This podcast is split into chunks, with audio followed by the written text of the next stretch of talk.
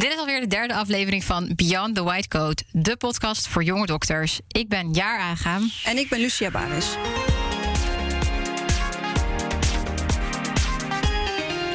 Podcast gaan we in op allerlei onderwerpen die jonge dokters bezighouden naast het medisch inhoudelijke. En in deze aflevering gaan we het hebben over twijfels bij jonge dokters en waarom selfcare niet zweverig is. En onze gast vandaag is Hans Rode, psychiater en schrijver van het boek Het is maar werk. Nou, laten we meteen maar even in de cijfers duiken, want daar houden wij dokters uiteraard van, van cijfers.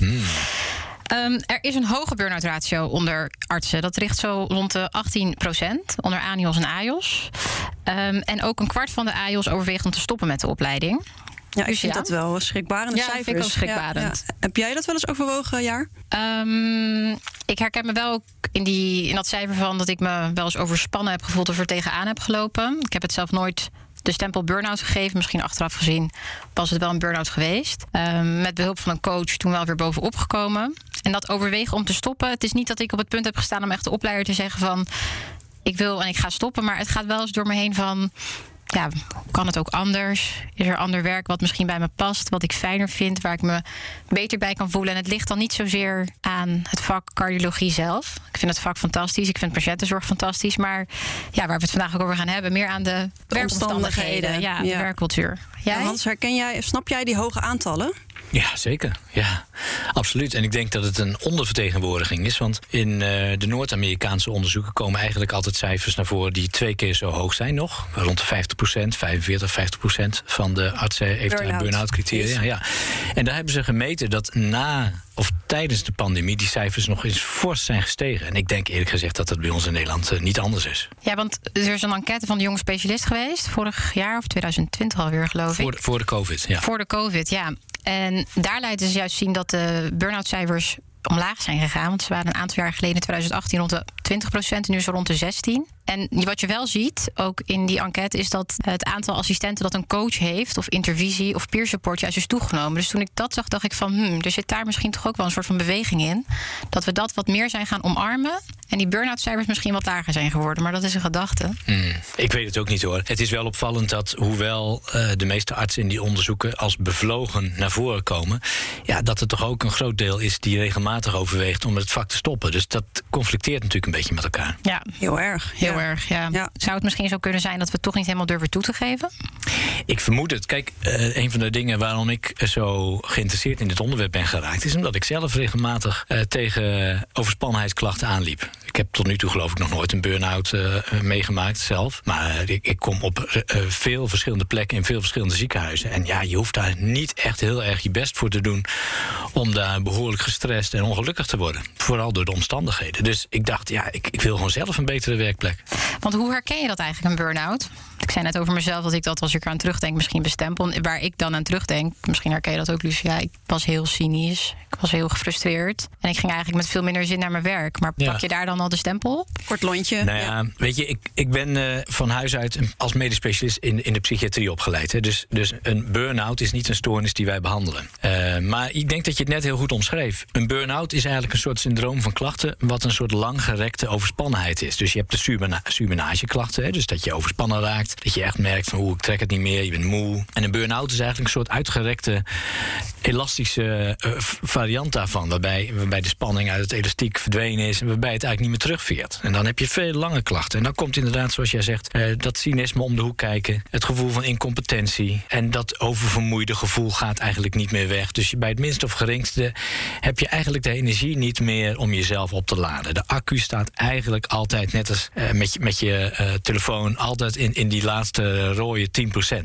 Ja, we hebben het in een van de vorige podcasts al besproken dat wij als artsen hebben, ja, zijn daar gevoeliger voor, misschien wel dan anderen, omdat we bepaalde karaktertrekken hebben. En jij hebt een boek geschreven, Het is maar werk, een anti-afbrandboek voor artsen. Eh, om hier eens eh, op door te pakken en om eigenlijk eh, ja, ons als jonge dokters of überhaupt dokters eens te laten zien dat selfcare, zoals we ook de podcast hebben genoemd, helemaal niet zo zweverig is. Want hoe denk je dat we selfcare in deze kunnen implementeren om deze burn-out cijfers terug tegen te gaan of omlaag te krijgen? Ja, nou, ik denk dat allereerst het accent niet op zelfzorg moet liggen.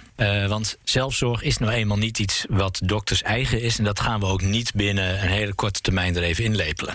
Daar zijn we gewoon niet voor opgeleid. Wij zijn hulpverleners, zorgverleners, dus wij gaan zorg verlenen aan anderen, niet aan onszelf. dus dat is denk ik wel een illusie die ik wil doorprikken. Het ligt vooral aan het systeem waarin wij werken.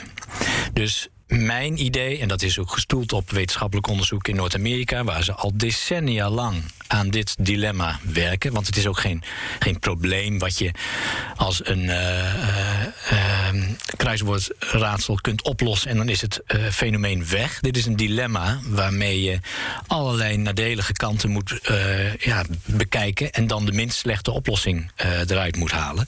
En dat geldt bij burn-out ook onder artsen, want het is altijd een beetje uit de lengte of uit de breedte.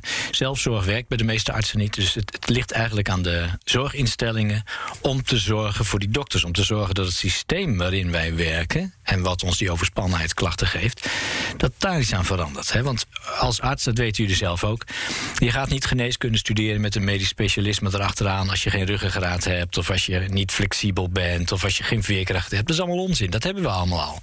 Anders, anders deden we dat werk niet. Dan waren we daar niet gekomen. Dus dat is denk ik eigenlijk wel de bottom line uit dat boek. Het ligt aan het systeem. dus daar, het staat nou een beetje in zo'n zo'n oranje bolletje, ook voor medisch managers en bestuurders. Maar het is eigenlijk vooral voor medisch managers en bestuurders. Of voor artsen die gaan uitleggen aan hun medisch bestuurders: van kijk, zo moet je ons verzorgen. Ja. want op de achterkant schrijf je, daar moest ik wel om lachen, dat het boek ongeschikt is voor babyboomer bullies en artsen met lange tenen. Zeker. We zullen straks nog wel even op de babyboomer bullies terugkomen, denk ik. Uh, maar is het boek niet juist goed voor hen om te lezen? Nou, het is natuurlijk een beetje een cynische noot. Zoals het, uh, het is maar werk, de titel ook een beetje. Uh, ja, niet cynisch, maar, maar wel een beetje uh, provocatief bedoeld is. Hè? Want voor heel veel artsen is het niet alleen maar werk als je als arts werkt. Het is vaak een hele identiteit. En dat is nou juist ook zo'n generationeel verschil tussen de, de babyboomers, waar we het misschien straks nog even over hebben, of de generaties waar jullie of ik toe behoren. Het is natuurlijk fantastisch als babyboomers dat willen lezen, maar de babyboomer bullies, dus de, de een beetje de ouderwetse, uh, grommende uh, specialisten die, die de neiging hebben om zich antisociaal op te stellen als de, als de stress een beetje hoog oploopt, of met, met scherpe voorwerpen te gaan gooien. ja, die, ja. Die, die zullen hier waarschijnlijk uh, eerder ontregeld doorraken dan dat ze hier aanstoot aan nemen. Dat denk ik ook. Ik ben bang van wel, ja. Ik heb wel het idee dat, dat dat de mensen zijn die vooralsnog uh, zeker als het ANIOS, AIOS, co-assistenten aangaat, met de scepter zwaaien dat over klopt. onze, Ja. onze werk. Nou, dat, dat is ook echt wel een dilemma hoor. We hebben een tijdje geleden met de KNG hebben we een soort roadshow opgetuigd met een theatervoorstelling die precies hierover ging. En dan merkten we dat die bullies niet echt aan te spreken zijn op hun gedrag door eh, peers of door ondergeschikte collega's die een afhankelijkheidsrelatie hebben. Dus bijvoorbeeld die, die doelgroepen die je noemt. Maar die moeten aangesproken worden door hun leidinggevende of een superieur. Of die moeten gewoon uit het werkproces verwijderd worden als ze niet in staat zijn om zich aan te passen. Dus uh, kijk, klinkt nogal uh, hard en kort door de bocht. Maar daar is ook wel voldoende onderzoek uh, naar gepleegd in Noord-Amerika om te weten dat het geen zin heeft om, om daar als co-assistent nou eens te gaan zeggen: joh, wilt u dat scalpel uit mijn schouder halen? Want het, het zit niet lekker. Nee, ik denk ook dat, dat dat een hele goede stap in de goede richting zou zijn. Maar Maar wel lastig, want Ja. Tuurlijk, het, het is, is ook lastig. diep gewortelde Ja. cultuur. Dat is ook. Daarom is het een kwestie van lange adem. En er een beetje lol over maken. Ja. Net zoals dat jullie dat hier eh, proberen te doen. En dat boek is ook niet bedoeld om, om dat nou als tekstboek in de hand te houden voor een opleider of voor een co-assistent. Het is juist, denk ik, de bedoeling dat, dat we hier met z'n allen aan de ene kant misschien een traan om kunnen laten. Of net zoals dat jij in het voorgesprek zei, het even weg kunnen leggen en dat even kunnen contempleren of tot je nemen. Ja, en daarnaast er ook gewoon een hoop lol in het vak blijven houden. Daar gaat het natuurlijk om. Het heeft ook bovendien een hele goede preventieve werking tegen burn-out. Als je maar 20% van de tijd dat je in het ziekenhuis doorbrengt, hè, als je in het ziekenhuis werkt, dan eh, eh, plezierige dingen doet, nou dan eh, heb je allemaal beschermende effecten. Ja, dat is ook waar je in het boek eigenlijk voor Ja, pleit. Hè. Bijvoorbeeld zeker. dat we de lunches weer met z'n allen terug moeten halen. Een gezamenlijke kamer moeten hebben. Om ook weer die verbinding met elkaar op te zoeken. Omdat we daar juist zo goed op gaan. Zo is het. Ja, ik wil nog even ingaan op die verschillende generaties. Want dat heb ik, vond ik in het boek ontzettend leuk. Omdat eh, Ja. je herkent dat ook van jezelf. En ook inderdaad van de generaties boven en onder jou. eh, dat stuk wie betaalt de rekeningen? Je schrijft heel leuk eh, alle ja, generaties van Ja. babyboomers tot Gen Alpha... die we vooralsnog niet in het ziekenhuis zien, denk ik... maar die we wel gaan zien in de toekomst. Ja. En die reeks van one-liners die je beschrijft, die veel jonge artsen ja, toch wel een beetje generaliseert. Maar ik denk dat iedereen die wel af en toe naar zijn Ja, oren heeft eh, gekregen. Ja. Zoals de opleiding stelt tegenwoordig niks meer voor. Wij werkten vroeger met gemak 120 uur en je hoorde ons niet. Parttime, uh, jij kreeg zelf te horen toen je parttime ging werken... Uh, gefeliciteerd met je zwangerschap. nee, dat soort opmerkingen is gewoon nog steeds aan de orde. Wat jammer. Um, dus voor mij is al, ja. alweer 15 jaar geleden dat ik dat hoorde, geloof ik. Ja. Maar, maar het is er nog. Ja, maar Hans, ik, nog. ik ja. weet niet hoe ik op zo'n opmerking moet reageren. Nee. Soms sta ik dan nog steeds met mijn bek vol tanden van, wat, hoe moet ik hier dat gesprek nou met een, ja, een babyboomer over aangaan? Zou je daar een tip voor hebben? Jawel. maar het is niet zo'n leuk gesprek. Nee. Kijk, wat, wat, je kan het misschien een beetje vergelijken. Uh, ik weet niet of jullie nog levende ouders hebben. Maar uh, aan jullie generatieindruk uh, te zien is die kans heel groot. Nou, daar zie je eigenlijk hetzelfde. Want het is een fenomeen wat tussen elke generatie speelt. Het, het verschil namelijk met die verschillende generatiegroepen. Daarom is het juist zo handig om vanuit die generationologie te kijken naar onze dokters binnen het ziekenhuis. Is dat we nou eenmaal een ander waarde- en normenpakket hebben. En dat is helemaal niet erg. Maar daar, daar word je toch nooit over eens. Dus het gaat er denk ik meer om een bewustzijn. Net zoals dat je bijvoorbeeld uh, naar je ouders ook heel anders kijkt dan naar je eigen invulling van je leven. En dat is ook logisch. Daar hoef je niet af te vragen hoe komt het nou dat ze van een andere muzieksoort uh, houden en waarom denken ze anders over huizen, financiën, auto's, uh, nou noem maar op, hè, allerlei levensgebieden. Dat zijn we gewend.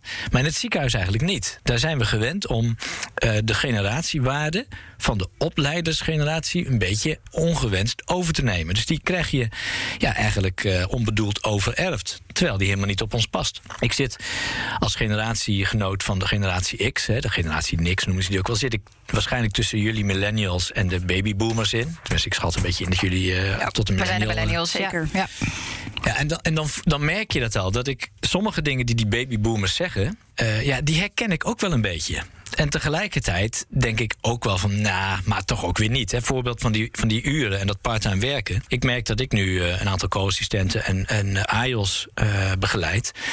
Ja, en die hebben in die zin echt een andere werkattitude... die eigenlijk slaat op mijn boektitel. Het is maar werk. Die, die zeggen dan ook aan het begin van de dag al van... luister, om, om tien over vijf heb ik een bespreking...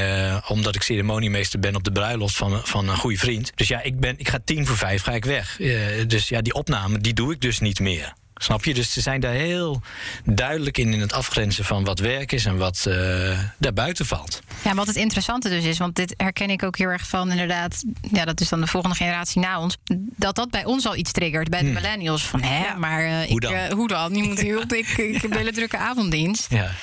Um, dus dat is wel heel erg herkenbaar. En ik wil nog even, toch nog een quote uit je boek. Ik wil niet heel je boek weggeven, want ik zou echt iedereen adviseren om dit boek te lezen. absoluut, absoluut. Zeker ook opleiders namelijk. Um, dit vond ik echt een hele mooie quote. Opleiders geven het vak door vanuit een generatie die hele andere behoeften en waarden kent dan die van degene die opgeleid wordt. Als die niet goed op elkaar afgestemd worden, ontstaat er verwarring, stress en afbreukrisico voor de volgende generatie. Ik denk dat dit echt een belangrijke boodschap is voor opleiders. Want ik herken dat ook uh, van collega's, van onszelf. Dat we misschien inderdaad, wat je net zei, al, allemaal andere normen en waarden hebben. En niet meer op hetzelfde niveau. Of op het, ja, aan het communiceren zijn met elkaar. Ja, klopt. Ja. Waar er dan toch een ja, vervelende sfeer kan ontstaan. Ja, nou dat is ook zo. Kijk, dus op het moment dat je realiseert Stel eh, dat ik even die, die babyboomer opleider ben en jij bent dan even mij als generatie uh, X-genoot of millennial, dat maakt niet zoveel uit. En, en ik zou dan zo'n opmerking die, die ik in dat boek heb genoemd naar jou uh, toe. Ja, ik wou zeggen blaffen, maar dan ben ik weer zo'n bully. maar, maar ik, ik, zou die opmerking maken. Ja, dan, dan ben je eventjes stilgevallen waarschijnlijk. Dan denk je, ja, moet ik hier nou weer mee? En dan gaat het er eigenlijk om dat het gesprek als volgt een beetje plaatsvindt. Dan zou het de bedoeling zijn, bijvoorbeeld, dat jij zegt: hmm, Jij vindt dus dat ik als dokter zoveel uur eigenlijk moet werken, want anders tel ik niet mee. Ja, dat klopt, zo deden wij het vroeger ook. En dan zeg jij bijvoorbeeld: Ja, dat begrijp ik. Maar wij zijn van een andere generatie. Bij ons zijn hele andere dingen belangrijk. En wij doen de dingen ook anders. Ik wil je graag vragen om daar rekening mee te houden, want anders word ik er ontzettend gestrest van. En uh, deze toon, die zal heus nog niet met, met grandioos applaus en goede beoordelingen ontmoet worden. Maar het fenomeen is eigenlijk het belangrijkste om te benoemen. En daar heb je ook geen oplossing voor. Nee. Dat is net als het klimaat waarin we nou zitten. Het is, we zitten nou in Amsterdam een beetje in een, een grauw-grijze, saaie zondagmiddagmist. en, en, en, ja, daar, daar, kun je wel zeggen, ja, jemig, waarom is het uh, nou niet 23 graden zoals in uh, Zuid-Italië nu? Ja, ja, dat, is, dat is het fenomeen klimaat. Dat doe je niet zoveel. Ja. En dat is met generatieverschillen ook zo. En het kan nog iets verder gaan door te zeggen van ja, maar als jullie eh, allemaal zo zouden werken, dan, eh, dan wordt het werk nooit gedaan. Dat kan zo'n volgende zin zijn. Ja. En dan zeg je ja, daarom is het juist zo belangrijk dat, eh, dat we ondanks de generatieverschillen toch rekening houden met wat voor ons belangrijk is. Want anders raken we afgebrand of, of anderszins eh, eh, niet, niet eh, functionerend meer. Ja, wie moet het werk dan doen? Ja, er moet toch rekening gehouden worden met de behoeften van elke generatie op zich. En dat wil niet zeggen dat zo'n generatie zich niet een beetje kan aanpassen. Het, het, het, het kan natuurlijk best zijn dat, dat, de, dat de, de, generatie Alpha, hè, dat noemen ze de Glass Generation, dat zijn eigenlijk, eh, ja, laten we zeggen, de kinderen van, van zes jaar en jonger. Nou, die, die zul je eh, nog niet in het ziekenhuis eh, in de witte jas zien. Maar die generatie, die zal weer hele andere behoeftes eh, hebben. En die kijken alles door een glazen laagje. Hè? Een iPad of een telefoon of een beeldscherm. Kijk, en het wil niet zeggen dat zij, omdat ze die behoefte hebben, dat daarom het hele proces moet worden aangepast. Hè, De waarheid zal ergens in het midden liggen, de praktijk ook. Ja, Maar het scheelt al als ik als supervisor van een artsassistent zeg: hm, oké, dus die, die meeting van die eh, ceremoniemeester eh, eh, afspraak is heel belangrijk.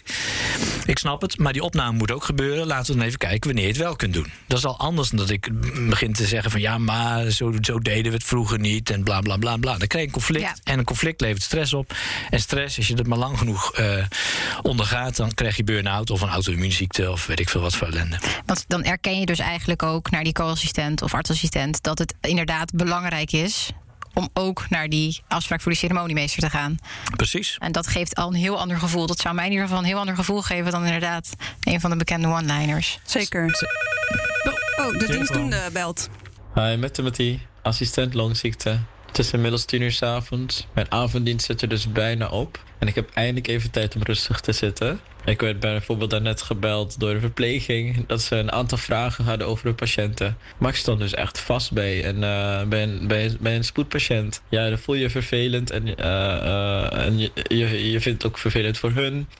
Dus uiteindelijk ehm, maak je daar tijd voor en beantwoord je ook alle vragen. En nu ik hier rustig zit, realiseer ik mij dat ik eigenlijk nog steeds niet heb kunnen plassen voor de hele dienst. Terwijl ik al vanaf het begin eigen- ergens van de dienst moest plassen. En ja, het is, dit is helaas geen unieke eh, situatie. Ik vroeg me ook af of jullie dit ervaren. Ja, Timothy, die heeft eh, nog niet kunnen plassen. Wat wel, eh, eventjes tussendoor. Ik weet nog van een paar jaar geleden doet de BMJ volgens mij met altijd, altijd met de kerst zo'n kerstspecial. Toen hebben ze gekeken naar de um, UP. Dus voor degene die eh, niet weet wat UP is, die luistert de urineproductie. Dat is een hele belangrijke maat bij ons in het ziekenhuis. Van eh, de eh artsassistent van de IC. En die was minder dan de patiënten die op de IC lagen. Minder dan 30 milliliter per uur. Ja, precies. Tijdens een dienst. Ja, dan hoor je een beetje een cactusje, hè? Ja, dus om maar even te benadrukken dat het inderdaad dus denk ik heel herkenbaar is voor velen van ons. Voor jou ook, Lucia, dat je Ja, de dit herken ik. Ja. Soms zitten zulke diensten er zeker tussen. En dan eh, Maar denk soms ik wel eens, misschien moet ik mijn ureum Ja. prikken aan het einde van de dienst... om te kijken, gewoon ter illustratie, even. hoe dat, eh, hoe dat eruit ziet. Ja. Maar soms denk ik ook wel dat, dat eh, aan het einde van mijn voorbereiding begon ik wel een beetje die houding te krijgen van: gaat er nu iemand dood? Is er iemand in acuut levensgevaar? Nee, ik ga nu gewoon even eten. Laat me gewoon even met rust. Maar je moet die grens wel echt duidelijk afbakenen, want ze blijven je inderdaad bellen. Mm, klopt. Ja, herken jij het, eh, Hans, van je Nee, assistententijd? totaal niet. Ik vind ook niet dat je moet drinken tijdens je dienst. dat is natuurlijk helemaal niet nodig. Hooguit alcohol. Hè, dat, eh, Dat wel, ja. dat- dan hoef je ook minder naar het toilet. Nee, natuurlijk herken ik het. Ik heb jarenlang eh, op de spoedeisende hulp gewerkt. En eh, nou ja, daar werd het mij op een gegeven moment echt een beetje eh, een, een doel om niet veel te drinken. Want het verstoorde echt. Zeker als je, als je wat langere reanimatieprocedures had. Dat komt natuurlijk niet zo vaak voor. Maar dat net op het moment dat je nodig moet. Ja, dat is echt eh na. Kijk, en als je op de OK staat en je hebt dorst, dan kan er nog iemand een rietje in je mondhoek stoppen. Ja. Maar, maar ja, om nou eh, tijdens het reanimeren even gekatheteriseerd te worden, dat leek me niet zo prettig. Dat gaat hem echt niet worden. Nee. Nee, dus, eh, dus nee, helemaal herkenbaar. Wij zijn natuurlijk meesters in de zelfontkenning. Hè? Dus wat, wat deze collega in zijn dienst eh, ook zegt, is dat wij natuurlijk sterren zijn om onze collega's, eh, eh, of eh, stel, eh, om onze patiënten, en met name de IC-patiënten, netjes eh, op hun, eh, hun vochtbalans in te stellen en, en de diurese een beetje op gang te houden. En zelf eh, lopen we de helft van de tijd gedehydreerd rond. Ja, krimp je hersenen van. Nou, performance niet beter. Nee, Nee. niet beter. Dus eh, ja, dit, is ook weer zo'n zaak waarin je eh, de twee kanten van, van de medaille ziet. Hè? Of, of zoals de Amerikanen het zeggen, de, de, de flip sides of the coin. Dus, dus aan de ene kant gaat het om een stukje zelfzorg. Je moet gewoon meer drinken. Maar ja, dan moet je meer naar het toilet. En dat is lastig en daar is het systeem niet op berekend. Aan de andere kant zou je hopen dat eh, het systeem zorgt voor een goed ge, eh, gehydreerde arts. En dat er voldoende mogelijkheden zijn om even te pauzeren.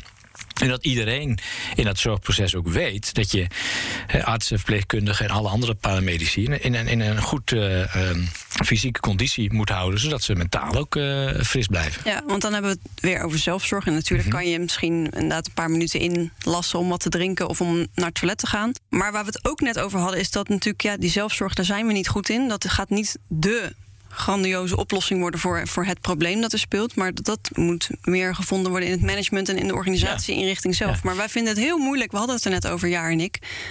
Hoe moeten we dat aanpakken? Nou, het is niet zozeer denk ik dat artsen dat moeten aanpakken. Maar wat ik hoop met dit boek en met deze discussie en jullie platforms. Dat, dat bestuurders snappen dat artsen, maar net zo goed verpleegkundigen en alle andere hulpverleners of faciliterende eh, collega's die in, in een zorginstelling werken. Wij zijn de draaiende kracht achter dat zorgsysteem. Als je ons niet hebt, is er niets. En uiteindelijk heeft iedereen een eh, redelijk fatsoenlijke hulpverlener, zorgverlener, arts of wie dan ook nodig. Dus het is een kwestie van investeren of verzuipen. Ja, dus het, het is denk ik een, een, een zaak om dit aan de grote klok te hangen, om dit bewust te maken. Want er zijn al behoorlijk wat artsen tekort, zelfs in Nederland, waar we het eigenlijk nog best wel goed eh, voor elkaar hebben qua bezetting. Nou, dat wordt er de komende decennia niet beter op, gezien de vergrijzing en de parttime werkende collega's, et cetera. Dus er moet echt iets veranderen.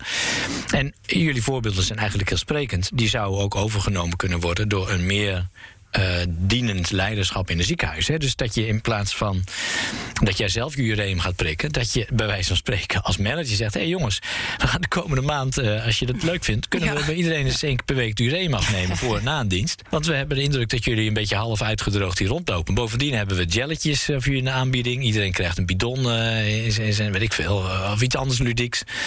En eh, we hebben een plasbel eh, en een plasgeitenbreier geïnstalleerd. Jullie weten waarschijnlijk niet wat een geitenbreier is. Geitenbreier. Ik weet het Weet je niet. het nog? Nee. Nee. De, de show, de, de eh, hoe heet het ook weer? Ome Willem? Zeg je dat iets? Een broodje poep. Nee, ja. broodje Ja. poep.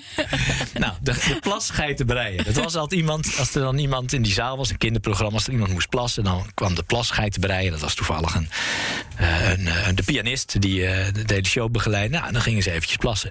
Dus je moet een hele hoop zaken die wij zelf niet meer doen, omdat ons dat nooit geleerd is, eh, die moeten wij weer geïntroduceerd krijgen. Nou, daar hebben we een beetje hulp bij nodig. Net zoals dat je bijvoorbeeld, eh, ja, als je ergens komt werken, dat je ook niet zelf je witte jas hoeft te naaien. Of eh, hè, dat je. Dat je Zou wat zijn. Ja, Ja.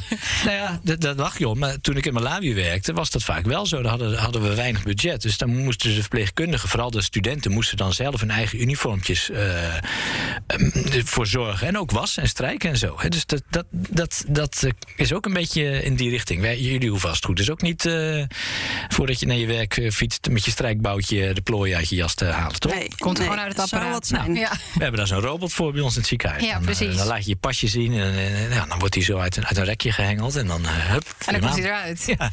Maar is het dus eigenlijk, eh, ja, we moeten dat, hoeven dat als artsen niet zelf aan te pakken, maar er moet wel urgentie gecreëerd worden bij die mensen die het moeten Zeker. aanpakken. Ja, dat Ja. is ook zo. En toch denk ik wel dat er toch ook een deel in ons is. Want ik merk nu soms wel dat ja, er wel dingen worden aangereikt aan jonge artsen. Om, om, om, om zich beter voor zichzelf te zorgen vanuit ook het ziekenhuis. Maar dat er bij onszelf ook nog een drempel is om toe te geven Tuurlijk. dat we dat nodig hebben. Tuurlijk. Je moet, je moet ook een voorbeeld hebben. Liefst een babyboomer, bij wijze van spreken. Hè? Liefst een oudere generatiegenoot. Die die behoefte misschien zelf wat minder heeft, maar die dat aanreikt. Ja. En het, het kan ook zo zijn dat het eh, in, in beginsel helemaal niet vrijblijvend is. Ik heb een, een, een korte ehm, vliegcarrière achter de rug. En daar zijn een hele hoop veiligheidsaspecten. Die zijn niet vrijblijvend of vrijwillig. Daar moet je gewoon aan voldoen. En daar wordt ook op gecontroleerd. Nou, dat zou bij een arts ook kunnen. Dus dat geeft wat meer eh, repressief karakter. Dat is niet zo aantrekkelijk. Maar eh, bijvoorbeeld een van mijn programma's... die is geaccrediteerd voor die zelfzorg. Dus dan ga je daarmee aan de slag. En dan krijg je daar accreditatiepunten voor. Je moet, je moet natuurlijk mensen altijd belonen... voor een geslaagde gedrags- gedragsverandering. Hè? Even een gewenste gedragsverandering. Nou, dat kan bij ons ook zo zijn. Doen we, doen we in, de, in de psychiatrie ook. Daar, daar eh, zijn de Britten heel goed in. Die geven patiënten geld als ze eh, aan hun behandelingseisen voldoen. En, en daar minder overlast en ellende in de maatschappij uh, geven. Je creëert wel behoorlijk wat therapie trouw, denk ik. Inderdaad. absoluut. Ja. bij de cardiopatiënten. De, de, de, de, token economy heet dat. Dus dan krijg je iets voor, voor gewenst gedrag. Nou, dat, dat kun je bij artsen ook toepassen. soms stuit het een beetje tegen wat weers, weerstand en, en wat ethische bezwaren. Maar die kun je over het algemeen redelijk goed wegnemen. We moeten denk ik allemaal opleiders, managers, bestuurders, assistenten door een wat oncomfortabele periode heen willen we die cultuur aanpakken. Nou, ik denk niet dat het oncomfortabel hoeft te zijn hoor. Je kan al gelijk beginnen met een paar geweldige leuke zetten. Hè. Dus in een paar ziekenhuizen waar ik eerder gewerkt heb, uh, hebben ze ook al tijdens deze crisis hebben ze zo'n time-out room gemaakt. Zo'n zo reset room, of hoe je het ook mag noemen. Het is vast een mooi Nederlands woord voor, maar daar ben ik niet zo goed in.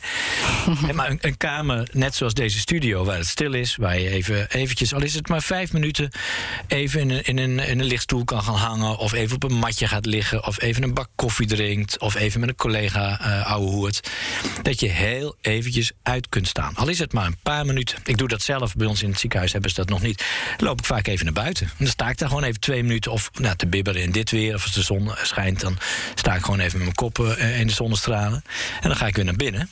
Uh, dat hebben we allemaal nodig. Ja, echt een hele kleine interventie eigenlijk. Zeker. Die je elke dag makkelijk zelf kan implementeren. Zeker. En gezonde snacks bijvoorbeeld hebben we ook een tijdje gedaan op de afdeling. Hadden we een hele bak met fruit, nootjes, pure chocola. Nou, nou, nou granola toestanden. Dus ik wil niet zeggen dat dat nu het grote verschil gaat maken. Maar het is eigenlijk net als met de COVID-preventie. het is de keten aan interventies die de verandering in gang kan zetten. Ja, wat we, wat we nog even, wat we in je boek hebben gelezen, Hans, en wat we ook nog heel even willen aanstippen, is dat een aantal keer noemt dat de suïcidecijfers onder artsen, en met hmm. name onder vrouwelijke artsen, uh, twee tot vier keer hoger zijn dan in een niet-medische populatie. En dat hmm. vonden we ook nogal ja. schrikbarende uh, cijfers. Hmm. Zeker. En dat één op de vijf artsen wel eens wel eens over nadenkt. Niet in een hele concrete zin, maar wel eens uh, denkt van goh, ja. hoe zou dat zijn? En wij komen dat niet zo tegen, maar dat is ook denk ik niet een onderwerp waar collega's onderling makkelijk over praten. Maar is dat iets wat jij vanuit je vak als psychiater dus wel vaker tegen bent gekomen bij, uh, bij collega's? Ja, jammer genoeg wel. Maar dat heeft ook te maken met het werk uh, wat ik voor ABS Arts heb gedaan. Dat is het steunpunt voor verslaafde artsen van de KNMG, wat ik uh, met hen heb opgezet jaren geleden. Ehm, vanuit mijn beroep als, als medisch specialist of, of psychiater zie ik dat onder artsen niet meer. Het is niet zo dat artsen naar mij toekomen buiten mijn polion van Hans. ik ben zo suicidaal, kan ik even met je praten? Dat maak ik ja, jammer genoeg bijna niet mee. Want ik weet dat het er wel is. Hè, die cijfers die liegen niet. Ja. En, en het is, ik vergelijk het wel eens een beetje uh, in de sterrenkunde met een zwart gat. He, dus zo'n zwart gat is ook iets wat, mm, wat je niet ziet. En, en als je daar te dichtbij in de buurt komt, dan word je erin gezogen en dan vind je er ook nooit meer wat van terug. Dat is met suïcide een beetje vergelijkbaar. Want de gesuicideerde artsen, en ik heb er jammer genoeg een paar keer uh, uh, dichtbij uh, gestaan, die nemen dat geheim mee hun graf in. Dus je weet eigenlijk nooit, zelfs niet de, naasten of nabestaanden die, die, die zo'n persoon door en door kennen, of de partners of zo, die weten eigenlijk nooit helemaal goed wat er nou aan de hand was. En dat is ook juist zo verschrikkelijk. Ik heb het twee keer van wat dichterbij meegemaakt. En je blijft ook met een soort heel na schuldgevoel zitten van... Uh, wat hebben we gemist? Wat hadden we kunnen doen? Dat, dat die persoon... Het zijn meestal mensen die hard werken. Het zijn, het zijn niet de, mensen waar iedereen een grote bloedhekel aan heeft. Of, of uh, uh, de lamzakken, zeg maar, als die al in ons vak rond zouden lopen... die, die je dan in één keer mist. Het zijn meestal de, de artsen die hard werken... die, die, die amabele indrukken achterlaten bij een patiënt en collega's. En die zijn er dan in één keer niet meer. Het is verschrikkelijk. Heel heftig. Jeetje, ja. En het is vaak voorkombaar, omdat de meeste artsen die zich suicideren, uh, zo blijkt uit onderzoek voor wat het waard is, hebben over het algemeen een prima te behandelen een mentale stoornis, zoals een depressie of, of eventueel een burn-out of een verslaving. Ja, en hadden dus geen hulp of, of durfden het niet uh, te vragen. Want er is een enorm taboe. Ook op, op suicidaliteit is een taboe. He, daar durf je bijna niet over te praten. Nee, als je al bijna niet durft te zeggen dat je twijfelt om te stoppen met de opleiding ja. tegen je collega's. De, eh, gelukkig nooit in mijn directe omgeving, maar het doet me wel denken, dat staat ook in je boek beschreven aan die um, spoedeisende hulparts oh ja. in New York Lorna vorig Green. jaar. Vorig jaar, ja. ja. Ja, heftig. Nou, laten we op een vrolijke toon uh, eindigen. Yes. Ehm, ik denk dat ik voor veel luisteraars mag spreken als ik zeg dat we veel ehm, geleerd hebben van deze podcast. En ook gewoon gelachen. Wat ook uh, de bedoeling is en Ja. wat we mee willen geven voor op de werkvloer. Jij, Lucia? Ik ook, zeker. Dankjewel, Hans. Nou, heel graag gedaan. En ik hoop dat iedereen die naar jullie podcast luistert... vooral in zijn oren knoopt of in zijn witte jas... dat plezier zo'n belangrijke preventieve factor is voor burn-out. Dus als je maar zorgt dat je een vijfde van de tijd... die je eh, als zorgverlener doorbrengt met iets wat je echt heel leuk vindt... waar je energie van krijgt, nou, dat is al een wereld van verschil. Nou, ik denk Zeker. een prachtige Goeie tip. Ja, Ja. dankjewel. Graag gedaan. In de volgende aflevering van Beyond the White Coat gaan we het hebben over digitalisering in de zorg. Bedankt voor het luisteren. Bedankt, tot de Tot volgende keer. Deze podcast is mede mogelijk gemaakt door Beuringer Ingelheim. Beyond the White Coat is te vinden op bnr.nl, Spotify, Apple Podcast en beuringeringelheim.nl. Beuringer Ingelheim. Denken in generaties.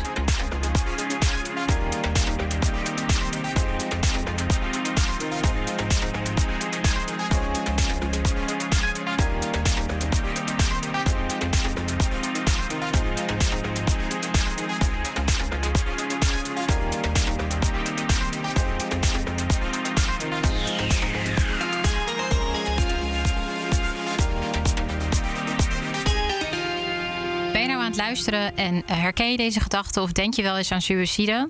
Praat er alsjeblieft over met een collega of met iemand anders die je vertrouwt. Of je kan altijd 113 bellen of met ze chatten op 113.nl.